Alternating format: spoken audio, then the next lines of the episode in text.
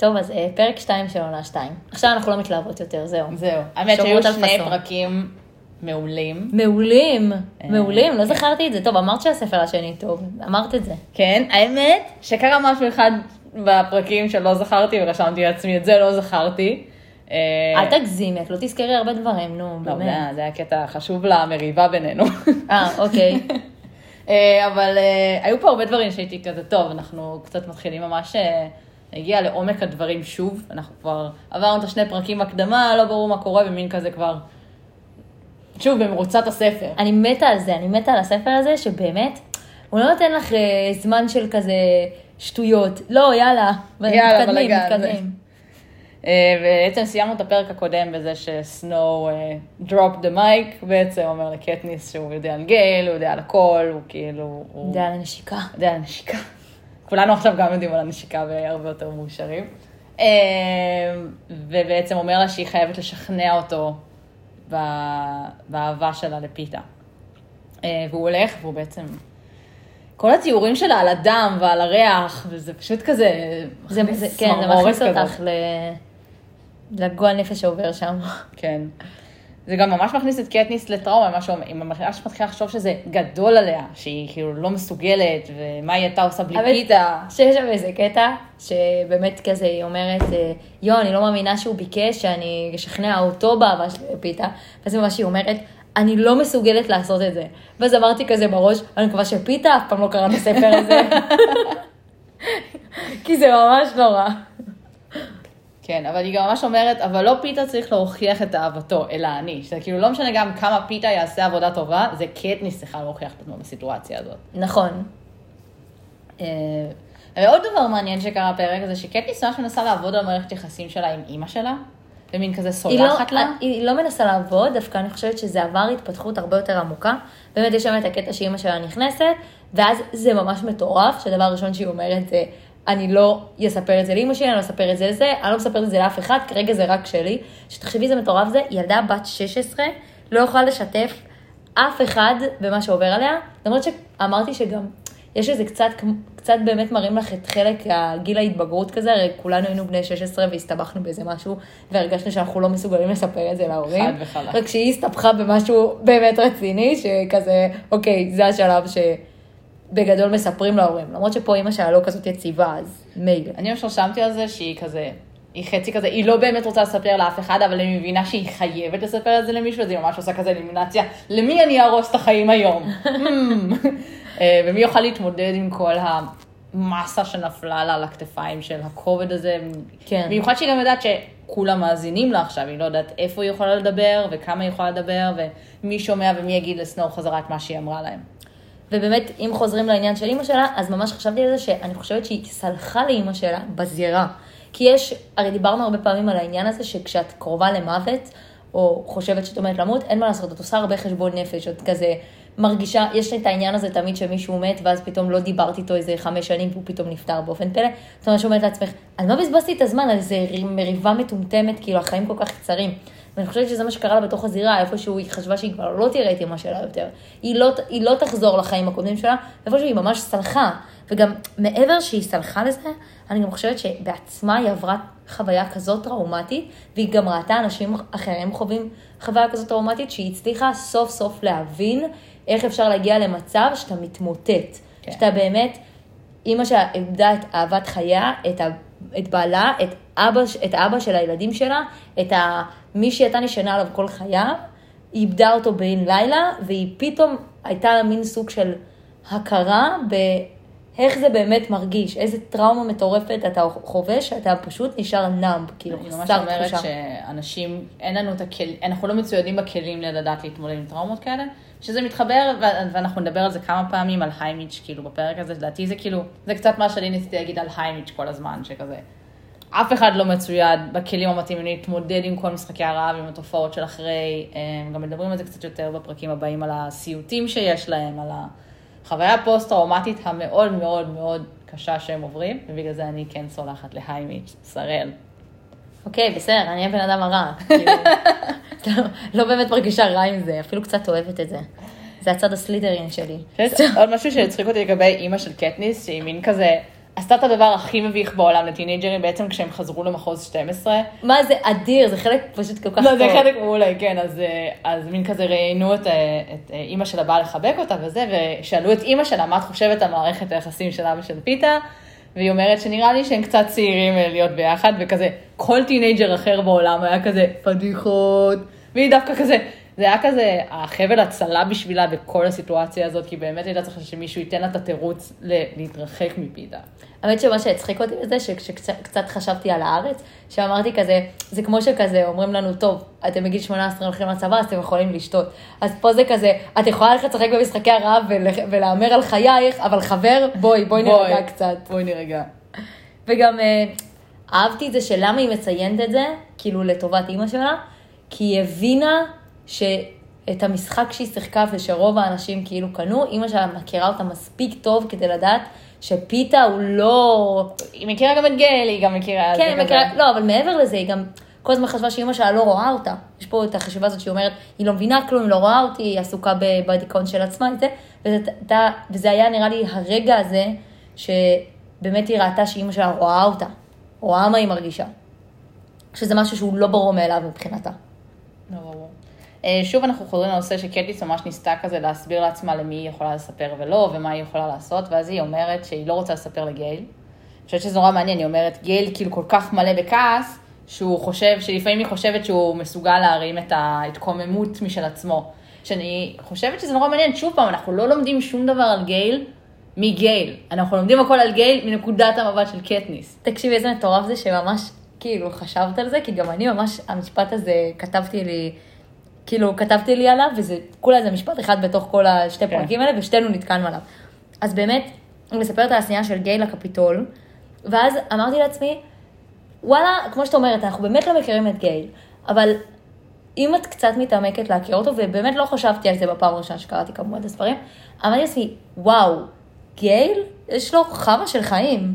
כאילו, הבן אדם דואג למשפחה שלו, כי הקפיטול הרסו לו את החיים, לקחו לו את אהבת ליבו בתכלס, כאילו, באמת, הם לקחו ממנו הכל, לא השאירו ממנו כלום, ובאמת זה פתאום רגע של ליבך יוצא אליו. את כאילו אומרת, וואי, החיים שלו באמת בקאנטים, כאילו, לא מאחלת את זה לשונאים שלי, מה שנקרא. באמת החיים שלו חרא. וגם את יודעת מה שהוא לא יודע, שכאילו קטניס והימי ראשון שהיו כאלה אור בחייו, שהוא עובד יום שלם ב... ב מתחת לאדמה, שלם. כן, שבוע שלם מתחת לאדמה, במשך שבוע שלם רק כדי לראות את קטניס ביום ראשון, גם את זה לקחו ממנו.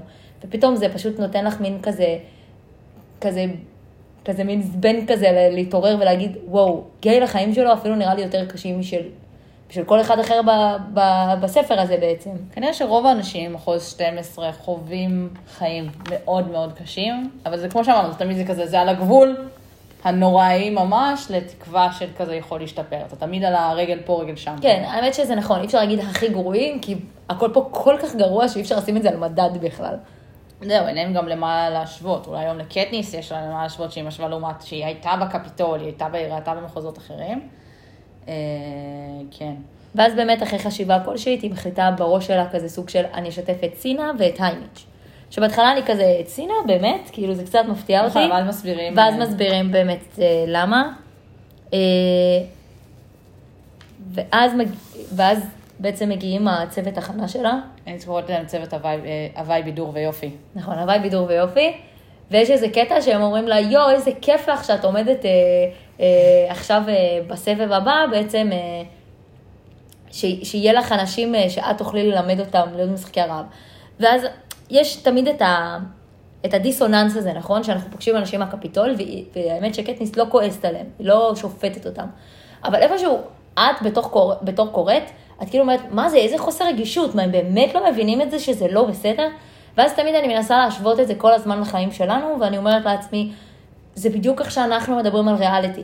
כאילו, הנה, אני אומרת, אה, בוא ניקח משהו יותר איזה, חתונה עם מבט ראשון, באמת, אנשים שם עוברים על האיסטר, לא, באמת, זה, זה, ועוד אחרי זה שמים עליהם מימים בפייסבוק. בדיוק, ואחרי זה, זה ממש זה, זה מה שרציתי, זה, אמרתי, וואי, ואחרי זה שמים להם מימים בפייסבוק, ואנשים מגיבים להם על איזה פוסט של, לא יודעת, הכתבה שלהם, שהם בטוח רואים את התגובות שם, רושמים, אה, בואנה, היא פוסטמה, לא מגיעה לאהבה בכלל, כאילו, דברים כאלה נוראיים, ואמרתי, זה בדיוק מה שהם עושים לה, הם כזה, במקום בכלל להבין אותה, הם כזה, עוד יותר מורחים לה בפנים את הכאב. נכון, אבל זה פילם חוזר שלהם, בעצם אנחנו, הם מין כזה, באמת, הם המיצג של הקפיטול, כזה. אבל לא המיצג של הקפיטול, זה מה שרציתי להגיד, הם המיצג של הצופים, שלנו, נכון, של לא, צופי לא. הריאליטי. הם המיצג של קטניס מולם, כאילו, שזה אני בעולם שתו- שלהם זה הקפיטול. מאוד אוהבת את זה, שכל פעם שאני שונאת אותם, אז אני בעצם כזה תוקפת גם את עצמי. ואז, אני, ואז כאילו, תוך כדי שאני שונאת אותם, אני אומרת, רגע, אבל, אבל איך זה משפיע עליי כבן אדם? איך אני כבן אדם? איך אני,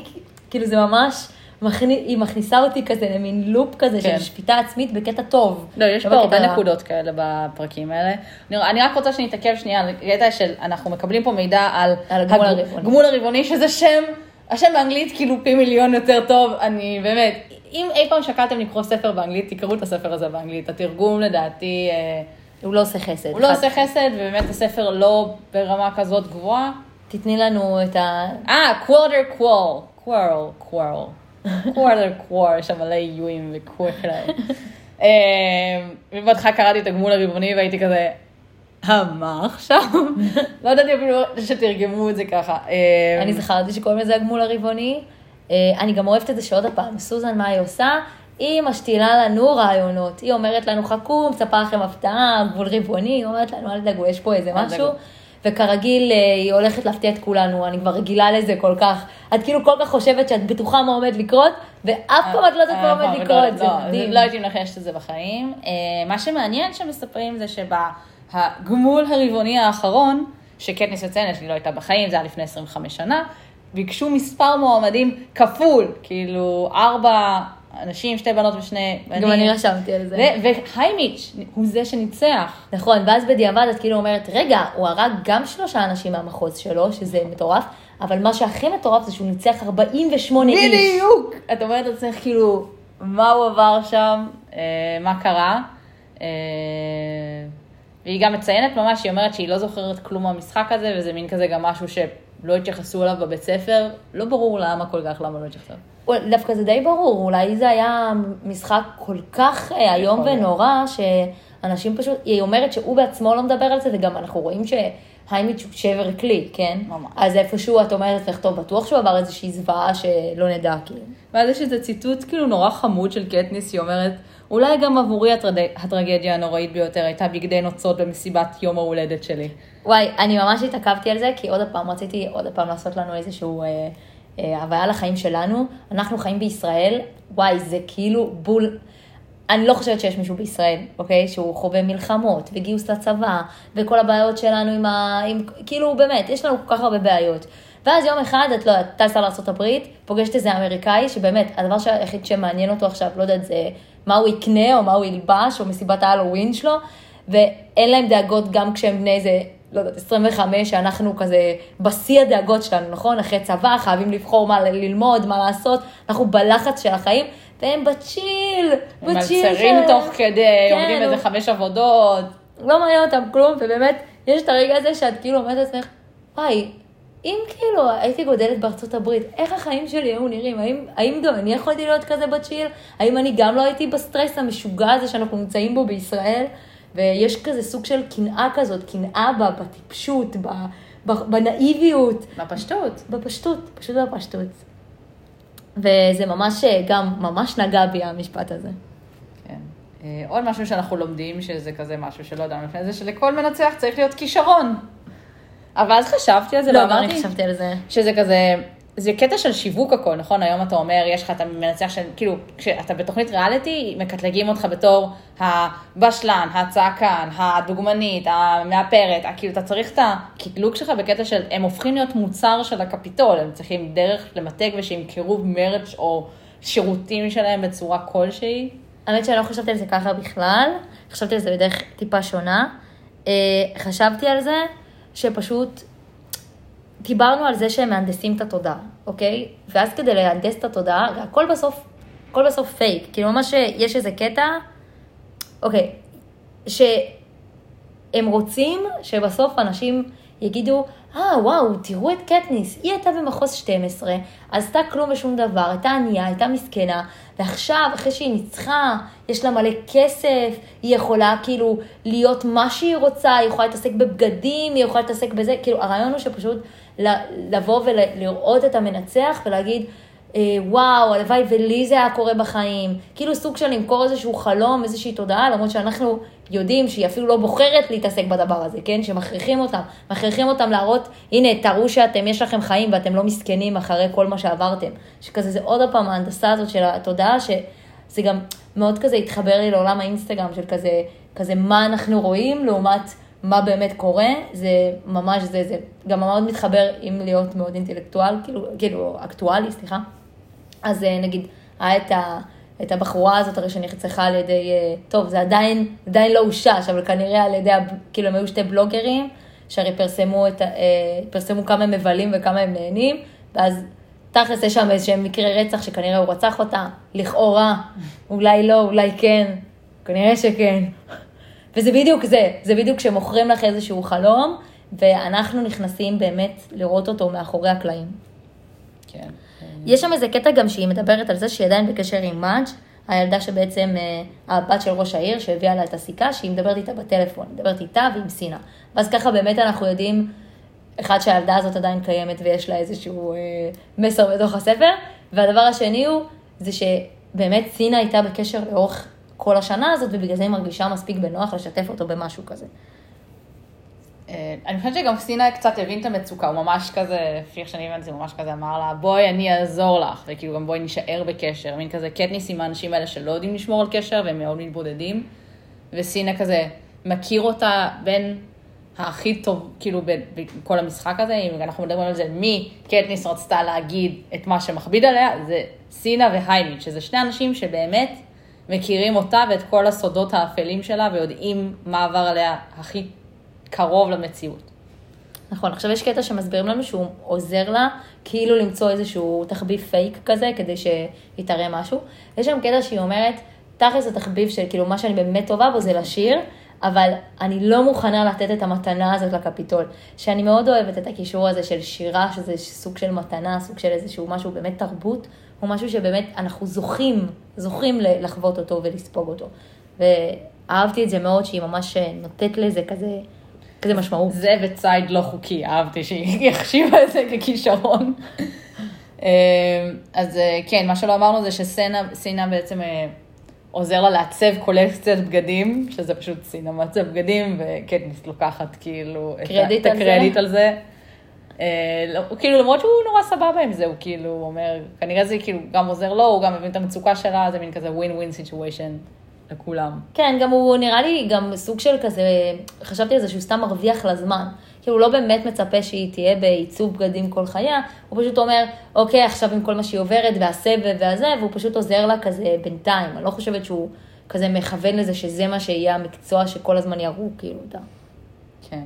אה, ואז בעצם, שתקוע את הארם, בעצם כל הבנות האלה הגיעו, כל צוות הוואי בידור וזה, הגיעו לצלם את פיתה וקטניס נפגשים, כאילו, כאילו הם לא נפגשו חודשים והם גרים בית ליד בית של אחד של השני. שנייה לפני הפגישה, אני כן רוצה להגיד שהיא מסתכלת על פרים, ואז בעצם נזכרת ברו, ואמרתי, וואי, זה כאילו יש לנו עוד פעם את הדבר והיפוכו, כאילו, רו תמיד הזכירה לה את פרים בזירה, ועכשיו פרים מזכירה לה את רו.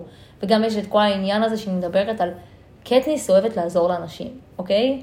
היא, יש לה את זה, היא עוזרת למשפחה שלה, עוזרת למשפחה של גייל, היא עושה את כל הדברים האלה, ואז בעצם היא אומרת, אני כבר, הדרך שלי כאילו לעזור לאנשים, לפי מה שהיא הבינה מסנואו, זה להיות פחות אי. כאילו, הדרך שלה להציל אנשים זה, זה בעצם לא לגרום להתקוממות. זה מה שנכנס לה בראש וזה מה שמשוגר לה, וכאילו כל הזמן היא גם רואה את הזוועות של אורו שוב מול עיניה, שזה קצת מזכיר לה, סוג של מזכיר לה, הנה, את לא יכולה לעזור לאף אחד פה.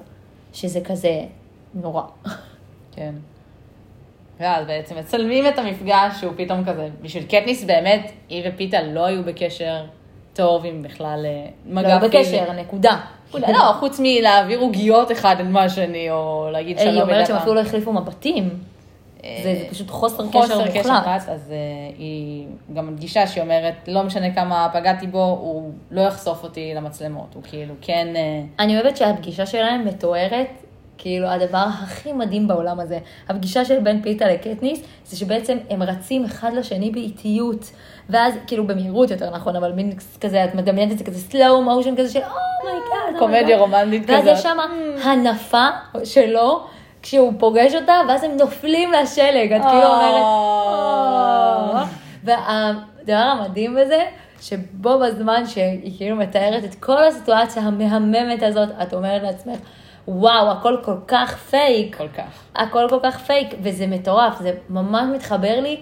כאילו, אני לא יודעת אם היא בעצמה, כשהיא כתבה את הספר, הבינה שזה כל כך התחבר לעולם שלנו. את ממש מדמיינת לעצמך את התמונה הזאת באינסטגרם מצטלמת כשהוא מניף אותה באוויר בשלג, ואת יודעת מה קורה מאחורי התמונה הזאת. וזה פשוט השקר הכי גדול שיכול להיות, באמת. כן. אה, בעצם יש כזה קצת כזה, אפילו מין טקס, מין פתאום אתה נכנס כזה למרוץ של כזה, מצלמים את הבגדים שלהם, מצלמים אותו, טק טק טק טק טק, ואורזים אותם לרכבת, והם יוצאים, זה כזה, אין פה, זה כמו שאני אומרת, הספר רץ, זה כאילו, טוב, שנייה, מה חשבו על מה שיהיה זה, מראים מה מראים זה מה בטלוויזיה." חשבו, הרגע סלואו היה פה, כאילו, כאילו. בדיוק לפני חצי שעה היא פגשה את סנואו, אנחנו כבר על הרכבת, זהו, אנחנו בדרך למחוז 11. זה מטורף.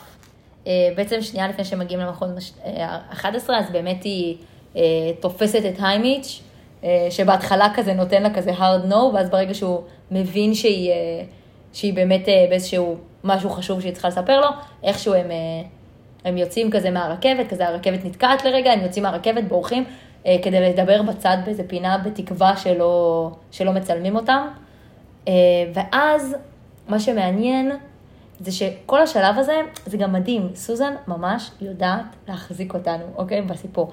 ובאמת כל הזמן הזה את כאילו עם קטניס, את אומרת, אוקיי, היא עכשיו צריכה אה, להעמיד פנים, היא עכשיו צריכה להיות עם, אה, עם פיתה, היא זה, את כאילו במרוץ, במרוץ, במרוץ, ואז פתאום היימיץ' עוצר את המרוץ, ואז הוא בעצם אומר לה, קטניס, בואי נתעורר רגע, זה לא עכשיו, זה לא הרגע, את צריכה ל, ל, לנסות אה, לשכנע את כולם את פיתה.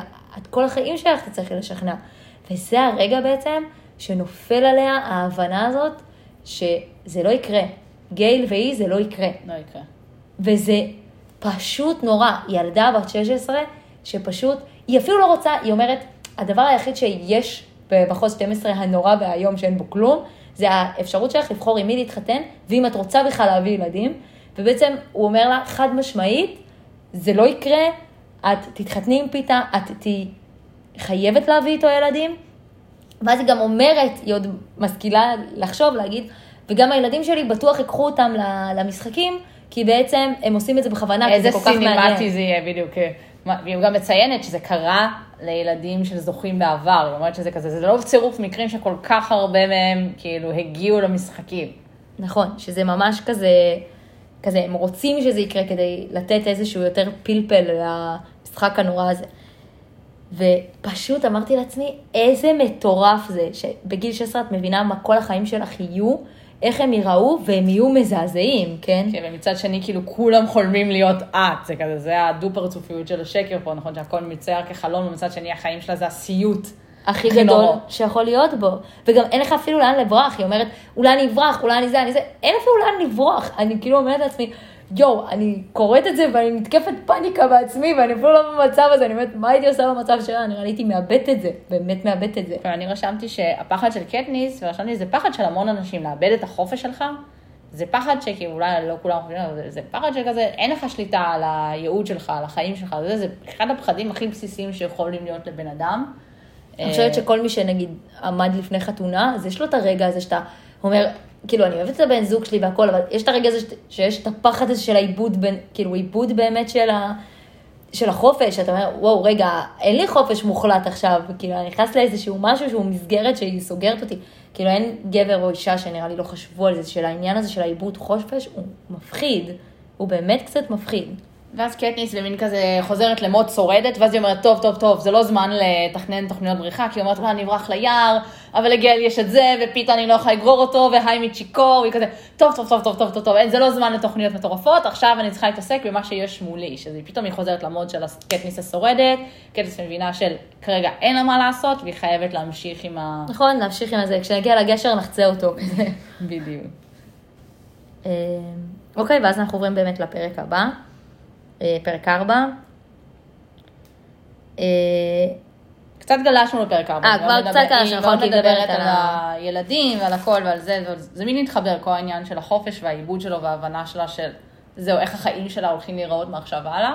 אני עכשיו, אני אוהבת את זה שגם אה, זורים לנו כל מיני נקודות לכל מיני דברים. נכון, יש פה ביקורת על ריאליטי, ביקורת על זה, ואז בין לבין גם קצת ביקורת, כאילו, את יודעת, על, אה, על פמיניזם וכל זה, ואז יוצא מצב שכזה, היא מספרת שבעצם אה, מתחילים למרוט לה את כל השערות מכל הגוף, ושהיא וואו. אוהבת את השערות שלה. איך קיבלתי צמרמורת בקטע הזה, כל הקטע שהיא אומרת שכזה, דברים התחילו כאילו לחזור, כאילו היא חשבה שכזה, דברים התחילו לחזור לנורמה, וזה כל, כל הקונספט של הפרק, שהיא מבינה ששום דבר לא הולך לחזור לנורמה. לעולם. לעולם, לא, כאילו השערות חזרו, זה כאילו היה אשליה פיקטיבית של דברים חוזרים אה, למוטב, שאולי עוד כמה חודשים לא יהיו לו את הסיוטים, אולי עוד כמה חודשים כאילו היא לא תצטרך אה, לחשוב על המשחק יותר. זה לא, זה, זה לא לא. יקרה לעולם, וגם יותר מזה, היא אומרת, כאילו איפשהו היא גם מעבירה איזושהי ביקורת, היא אומרת, למה כל הנשים, אה, היא אומרת שבמשחק עצמו, בזירה, כל הנשים היו מחויב, כאילו, לכולם הורידו את כל השערות, אבל הגברים הייתה להם בחירה לשמור על השערות שלהם, זה פשוט ביקורת על החברה.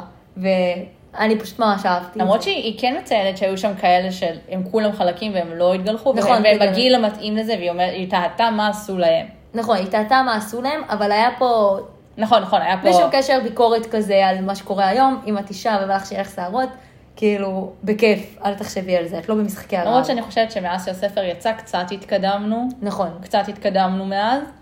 יש שם גם מאוד קטע, שאני גם כן חושבת שזה סוזן בפני עצמה, שבעצם הם רוצים, הם אומרים, יואו, הלוואי ויכולנו לשפץ לך את זה ואת זה, והם מתלהבים.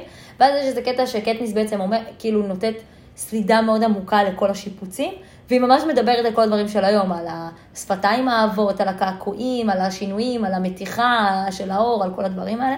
ואני חושבת שזה גם הדעה האישית של הסופרת. יש פה מישהו שהוא מאוד נגד ניתוחים, מאוד כל השיפוצים, חושב שכאילו אתה צריך פשוט לאהוב את עצמך, שזה מדהים, כן, אחלה, זה באמת אחלה אה, אה, דברים אה, להגיד, למרות שהיום אנחנו כן בעידן של אם זה מפריע לך, תעשי ותשפצי ואל תדברי עם אף אחד, פשוט זה כזה כן נחמד לראות שכשלאנשים יש, יש משהו בזה שתמיד אומרים על ישראל, שנגיד אנחנו, יש לנו מלחמות ויש לנו דברים, אז אין לנו זמן להתעסק בשטויות. יש כזה מין אמרה כזאת.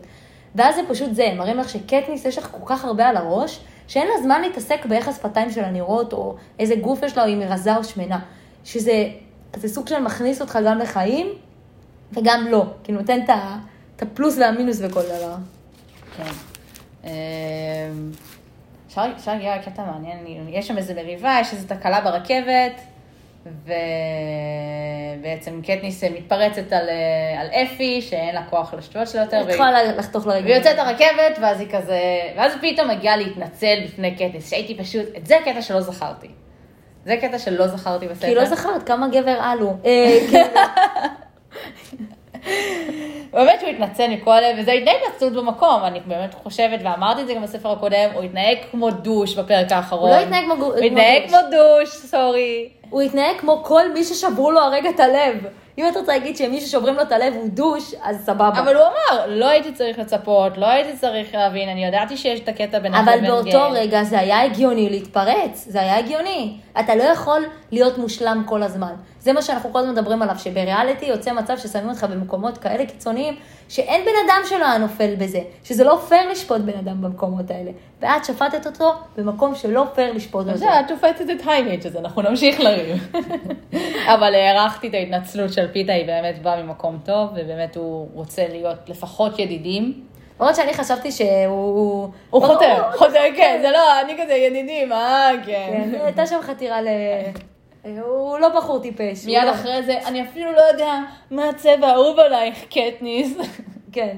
של כזה, אוקיי, בוא נתחיל לדלות פרטים, אני חוזר לעבוד. כן, בדיוק, זה כזה, אני, אני, רוצ, אני רוצה לראות עם מה יש לי לעבוד פה, אה, ואנחנו מגלים שהצבע האהוב עליה הוא ירוק, והצבע האהוב על פיתה זה כתום שקיעה. כן. למרות שחשבתי על זה שכאילו בטח הם היו כל הזמן לבושים כזה, סוג של כתום שחור כזה בהתחלה בגלל כל האש. אז אה, הפתיע אותי שהוא כאילו בחר דווקא בשקיעה. כן. אה, ואז הוא מראה לה את האוסף. אה, אז היא אומרת לו, אם אנחנו כבר ידידים, כולם מדברים על הציורים שלך. שזה הכי פלירטוט בעולם, אני כזה, יואו, קטניס, את כאילו לא, לא מבינה אפילו מה קורה פה, כן, כאילו טוב לא... שלא ביקשת ממנו לשיר לך איזה משהו. אז כן, היא מבקשת ממנו להראות לה את הציורים שלו. ואז היא מהר מאוד חוזרת להיות עצמה, כי היא כזה רואה את הציורים, ואז כל הציורים הם כזה דברים מהזירה, ממשחקי הרב שהם היו בו, ואז פשוט באמת, בחוסר... אה, טקט מוחלט. טקט מוחלט, היא אומרת לו, אני שונאת את העבודה שלך. אז העבודה שלך מזוויעה ומגעילה, כאילו. לא, היא אומרת, הציורים מדהימים, אבל אני שונאת אותם. לא, לוקח לה זמן להגיד את זה. נכון. כזה, הוא כזה נובר, מה שנקרא ברגשות שלה, עד שהיא אומרת לו, לא, לא, הציורים ממש יפים, פשוט אני לא רוצה לראות את זה, ומבחינתי זה זוועה. וגם יש שם איזה קטע שהוא כזה מנסה ממש לשאוב ממנה אה, כזה מחמאה, הוא אומר לה, מה, את באמת חושבת שזה נורא? והיא כזה, כן, סימן קריאה. כאילו, אבל אני חושבת שמה שיפה בכל הסיפור הזה, שהוא כן, היא ממש שואלת אותו, זה מאיפה אתה זוכר את כל הדברים האלה, והוא אומר הסיוטים, והיא אומרת שגם היא חווה את הסיוטים. נכון, ואז זה בעצם הרגע הזה שבאמת יש לך עם מי לדבר, על משהו שבאמת אין עם מי לדבר עליו. אין לי מי לדבר עליו, וגם מדברים על זה שהיימיץ' עד היום חווה את הסיוטים האלה, והיא ממש שואלת את פיתה, זה עוזר לך לצייר? את הציורים האלה, והוא אומר לה, אני עדיין לא יודע. הוא אומר לה כן, אבל הוא אומר כן מסתייג כזה, של כזה, כן. אני מקווה שכן. אני מקווה שכן, בדיוק, זה כזה, לא יודע, אבל כרגע זה הדרך היחידה שלו כזה להתמודד עם הפחד של ללכת לישון. כן. ואז הם מגיעים למחוז 11, אני חייבת להגיד, התיאור שלו הוא מטורף. כן, מדברים שהוא עצום, תכלס אני ממש דמיינתי גטו, כן? הם אומרים, אה, גד- כאילו, אני לא חושבת שיש יהודי שלא חושב את זה, נכון? הם אומרים גדרות ממש גבוהים, עם תיל, אה, יש אה, מלא עמדות שמירה, אי אפשר לזוז משם, כאילו רואים שיש ממש אה, רובים, מה שנקרא שלופים, אה, שאתה יודע שכל שטות שתעשה אתה יכול לקבל כדור היא בראש. ממש משווה את, הגדר לגדר של מחוז 12, ששם זה פשוט כל אחד. בדיחה. אין שם חשמל כן. אפילו בגדר החשמלית. אה, ובעצם אנחנו צופים באיזה משהו באמת נורא, אה, אי אפשר לברוח משם. היא אומרת שהמקום עצמו הוא עצום, שאם עד עכשיו כזה כל הזמן דיברנו בתיאוריה שהם ההמון והקפיטול הוא הקצת, עכשיו זה נותן לנו מין גושפנקה כזאת. מחוז 12 אומנם קטן, אבל מחוז 11, ועוד לא הגענו לשאר המחוזות, הוא עצום בגודלו. כמות האנשים שם היא פשוט, היא אומרת, אני לא מסוגלת לתאר איך אפילו עושים פה את האסיף, מרוב שיש בו כמות אנשים כל כך גדולה, הם חייבים לעשות כמה הגרלות, או לא יודעת, לדעת מי עומד להיבחר, ואז להביא רק איזה 50 איש שיהיו ניצבים או משהו כזה. מרוב שהיא כאילו בהלם מכמה המקום הזה אני ממש. מדגישה שממש לא אומרים מספרים בין מחוזות, וכנראה זאת אחת הסיבות, גם בטלוויזיה לא מקרינים לך את הכמות של האנשים שיש, כדי שבאמת אף אחד לא ידע כמה אנשים יש איפה. נכון, שזה- וגם זה תמיד נראה להם קטן כל כך, הם פתאום רואים את זה והם בשוק מהגודל של המחוז. אה, וזה באמת למנוע התקוממות, אין לנו בכלל איזשהו ספק בזה. אה, בכלל, כל ה... יש את כל הקטע הזה שקטניס אומרת כמה היא לא רוצה לנאום, כמה היא לא רוצה לדבר, הם צריכים לנאום מול כולם כמובן, והיא פשוט נותנת לפיתה את כל המושכות בהכל, ואז יש את הרגע שהיא מתעוררת, היא רואה את, ה, את המשפחה של רו, היא רואה את המשפחה של טרש, ובעצם היא פשוט מקבלת הבנה של אין מצב, שזה הרגע היחיד שיש לי בחיים להגיד לאנשים האלה תודה, ואני לא אומרת להם, רו לא הייתה עושה את זה. שנייה לפני שזה קורה, פיתה מציע למשפחות, שזה זה קטע דרמטי שנייה לפני שהיא מתעוררת. נכון, רצח. נכון. הוא מציע להם בעצם, אה, לא מציע, הוא פשוט נותן. הוא נותן, לא, אבל הוא כאילו, הוא, היא אומרת, אני, הוא, הוא לא יודע אם זה חוקי, היא לא יודעת אם זה חוקי, הוא לא אם זה מספר לאף אפשרי. אחד שהוא עומד לעשות את זה גם. בדיוק, הוא פשוט. מציע למשפחות של פרש דרור חודש אחד כל שנה במשך כאילו שארית חייהם מכספי הזכייה שיש להם. שממש אומרים שזה כזה, זה יכול להכיל משפחה שלמה של מלא נפשות לשנה במחוזות האלה. נכון, שזה גם מטורף שהוא מחליט לעשות את זה, הוא באמת אמיץ. אם, הוא, אם היא כל הזמן מתלהבת מגל כמה הוא אמיץ, היא אף פעם לא מדברת על האומץ של פיתה, ופיתה לאורך כל הזה נותן לנו פה, הוא התחבר ל, לאנשים הכי מסוכנים במשחק, הוא שמר עליה, הוא פה כאילו הולך נגד הקפיטול, הוא עושה מלא דברים, וגם תמיד מקטינים את הדברים האלה. תמיד היא כזה אומרת, טוב, פיתה לא באמת יודע למה הוא נכנס, פיתה לא באמת יודע מה קורה, פיתה לא יודע מה הוא עושה. אה, שזה כזה סוג של מקטין אותו, זה מצחיק שאנחנו כל הזמן מדברים על להקטין נשים, היא מקטינה גברים. אני חושבת שזה גם קטע מאוד חזק בין קטניס לפיתה, הם תמיד מסתירים דברים אחד מהשני, הם תמיד, כאילו זה לא, זה כזה, אם זה בהתחלה זה היה רומן, ואז הוא הלך עם הקרייריסטים והוא לא אמר לה, והיא ידעה את כל הסיפור שכאילו היימיץ' והיא כאילו ידעו שהיא צריכה אה, אבל יש- להתאהב בו, זה מין כזה, תמיד יש להם דיסוננס של דאטה. אבל יש לציין שההסתרה של המידע לא נעשית סתם, היא נעשית, היא נעשית מהיכרות מאוד מאוד עמוקה של נכון. הבן אדם שמולו. אה, אם זה כאילו פיתה שהוא יודע שהיא לא יודעת אה, איך להתנהג ועדיף להפתיע אותה, והוא, והיא כאילו שהיא יודעת שאי אפשר לספר לו דברים, כי עדיף שהוא יתנהג פשוט רגיל. אה, ואז בעצם קורה כל ה... ואז בעצם קורה הרגע הבאמת מרגש. אני אישית הזלתי דמעות, אני מודה. כל החלק הזה ממש ריגש אותי, של העניין הזה שהיא היא עומדת ומדברת מול הורים שכולים. זה באמת משהו ש... אני לא חושבת שיש מישהו פה שהוא לא, לא יכול לדמיין את הסיטואציה, היא באמת סיטואציה שהיא מאוד קשה, וכשהיא אומרת להם, היא בעצם אומרת על טרש שהוא כזה תמיד היה נגד הקפיטול והלך לפי הראש שלו וזה, ואומרת כזה דברים כזה לא פוליטיקלי קורקט, אבל נותנת כזה שוק של מושא לגאווה, וגם מדברת על, על רו כאילו כמושא לגאווה, והיא אומרת שהיא בחיים לא תשכח אותה. עכשיו, אני כן עוד הפעם עושה, אה, כמובן אה, זה לישראל, אה, אני לא יודעת אם מישהו מכם היה, אבל ב... יש עניין שהורים שכולים, אחד הדברים שהכי חשוב להם על חייל שנפל, זה שיזכרו אותו. זה הכי חשוב. אנשים מקימים אגודות, אנשים עושים זה, כאילו, מה באמת חשוב? כשמראיינים אותם, כשעושים את כל זה, למה יש לנו את יום הזיכרון כל שנה? חשוב להם שאנשים יזכרו את הבן שלהם, שאנשים ידעו מי הוא היה, או את הבת שלהם. זה חשוב מהם, והיא בדיוק נוגעת בנקודות האלה. היא נוגעת בנקודות של אני אזכור אותם כל החיים שלי, הם, ש- הם שינו, לא רק לי, הם שינו לכולם. המוות שלהם לא היה סתם. וזה בול מה שאתה רוצה לשמוע. זה פשוט בול. וגם לתת להם קצת פרטים שהם לא ידעו על הזה עצמו, שזה סתם עניין של כזה, לא סתם, אבל זה עניין של כזה להכיל את, ה, את הסקרנות. וזה פשוט נאום, לפי דעתי, מדהים, והיא חשבה ממש לעומק שלו. אה, אומנם קטניס עשתה את זה בשלוף, אבל היה שם באמת את הנגיעה בדברים הכי הכי חשובים. כן, זה היה נאום מרגש, וגם בסופו היא אמרה תודה על הלחם לאנשים של אה, מחוז 11, שזה כאילו גם נקודה, כאילו. קטיס פיצחה את זה, היא אף פעם לא באמת ידעה באמת שמחוז 11 נתן לה את זה, כי הוא התכוון לשלוח את זה לרו, או כאילו שמישהו בכלל ידע שזה קרה, או אם זה היה חוקי או אפשרי, ולא ברור מה קרה שם, היא ממש אמרה תודה על הלחם, שזה כזה, נראה לי מה ששבר את גב הגמל כזה במחוז 11, שכולם בעצם עוצרים את הכל, ו... נכון? אני דווקא חשבתי על זה, כי אני, יש לי מוח קצת יותר צהוב, אז uh, אמרתי לעצמי, יש מצב שעכשיו היא גרמה פה לריב, כי פתאום ה- האימא קולטת ש... האימא של טרש קולטת שהיה לחם והביאו אותו ל- לקטניס. אבל גם בספר הקודם אמרנו, זה מעניין כאילו, למה לא שלחו אותו לפרש? אמרנו את זה כן. אז, שזה מעניין שהם לא שלחו את זה לפרש, אבל גם אמרנו שפרש לא היה צריך אוכל במשחק, אז יכול להיות שכן היה שם. נכון, כאילו, אומרים שפרש. גדל, אז כנראה נכון, אוכל לא היה חסר לו. או- נכון, וגם מחיטה, גם אמרו שאני בדיוק, מחיטה ופחמימות, אה, ובעצם כל העמק משתתק, מישהו עושה את השריקה של האורבני החקיין, והם מרימים את השלוש אצבעות, אה, כולם. שזה הופך להיות- היא ממש אומרת, זה כאילו, אפילו לא יכול להיראות מתוכנן, כאילו, מתוכנן או לא מתוכנן, זה כאילו שהיה נראה כאילו, זה, זה היה ברור לכולם שזה מה שעומד לקרות, כאילו לא היה צריך לתת שום קיו אחר, הם פשוט עשו מין כזה הצדעה של אה, מחווה לכבוד. ואז בעצם כשזה קורה, פתאום מגיעה לתודעה של קטניס, כמובן כן. באיחור, הרגע הזה שהיא בעצם עשתה כל מה שסנואו אמר לה לא לעשות. שזה משהו מדהים בעיניי, זה כאילו גורם לך לצחוק, לפחד, באמת, זה גורם לך לכל התחושות האפשריות בתוך הבטן, שזה מדהים. אה, ואת כזה אומרת, יואו, איזה יופי, יואו, וזה, ומצד שני את אומרת, אוקיי, זה לא טוב, זה זה, לא זה, טוב. מה עומד לקרות לקטניס?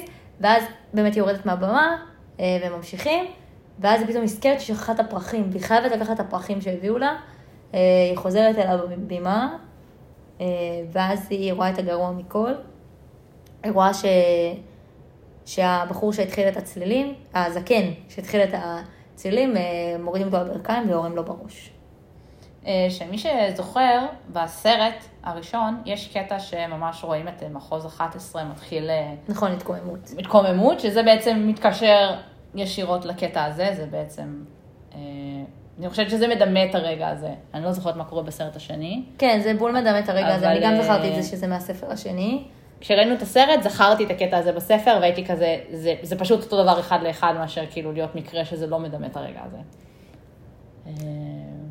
זהו. וזה באמת גם נותן לך מין בוקס כזה בבטן, של אה, אף אחד לא מוגן, ולא רק שאף אחד לא מוגן, מי שינסה אפילו, כזה גם, את כל הזמן לא יודעת הרי אם מה שסנואו אומר הוא נכון או לא נכון, וזה כאילו מכניס את קטניס, נראה לי, לסוג של עוד מהות כזה של, אוקיי, הוא צודק, כל מי שיעשה משהו, זה גם נורא, תחשבי, ילדה בת 16 בת 16 וכאילו היא בטוחה במאה אחוז שהיא אשמה על זה, אין מצב שהיא לא לוקחת האשמה עליה שהוא קיבל את זה.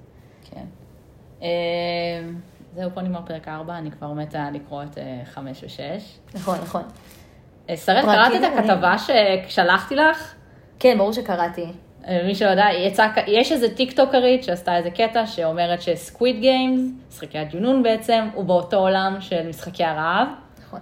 אני חייבת להגיד שהטיעון בסוף לא מספיק חזק, הוא ממש לא מספיק חזק. אבל כי- זה גרם לי לחשוב. רגע, מה שהטענה שלה זה שבפרק 7, אז יוצא מצב שהוא אומר את, המ... אה, כאילו כש... אה, רגע, זה אזהרת ספוילר, נכון? כן. אז אנחנו עושים אזהרת, ספוילר, אם לא ראיתם משחקי הדיונון, תפסיקו פה את הפודקאסט. אה, אז בגדול, אה, מה שקורה בפרק 7 זה שרואים את ה... את ה...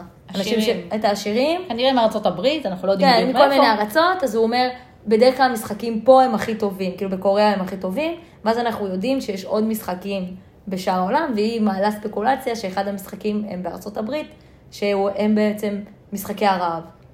שמעתי שגם עוד, אם משחקי הרעב זה שם, היה עוד איזה סוג של משחקים במקום אחר בעולם, אני לא זוכרת בדיוק, אבל... אה, אבל לכולנו אין ספק שהם, כאילו, יש פה העתקה מאוד משחקי הרעב, שם מלא קטעים, שאת כזה, מה, אתם רציניים איתי? זה משחקי הרעב.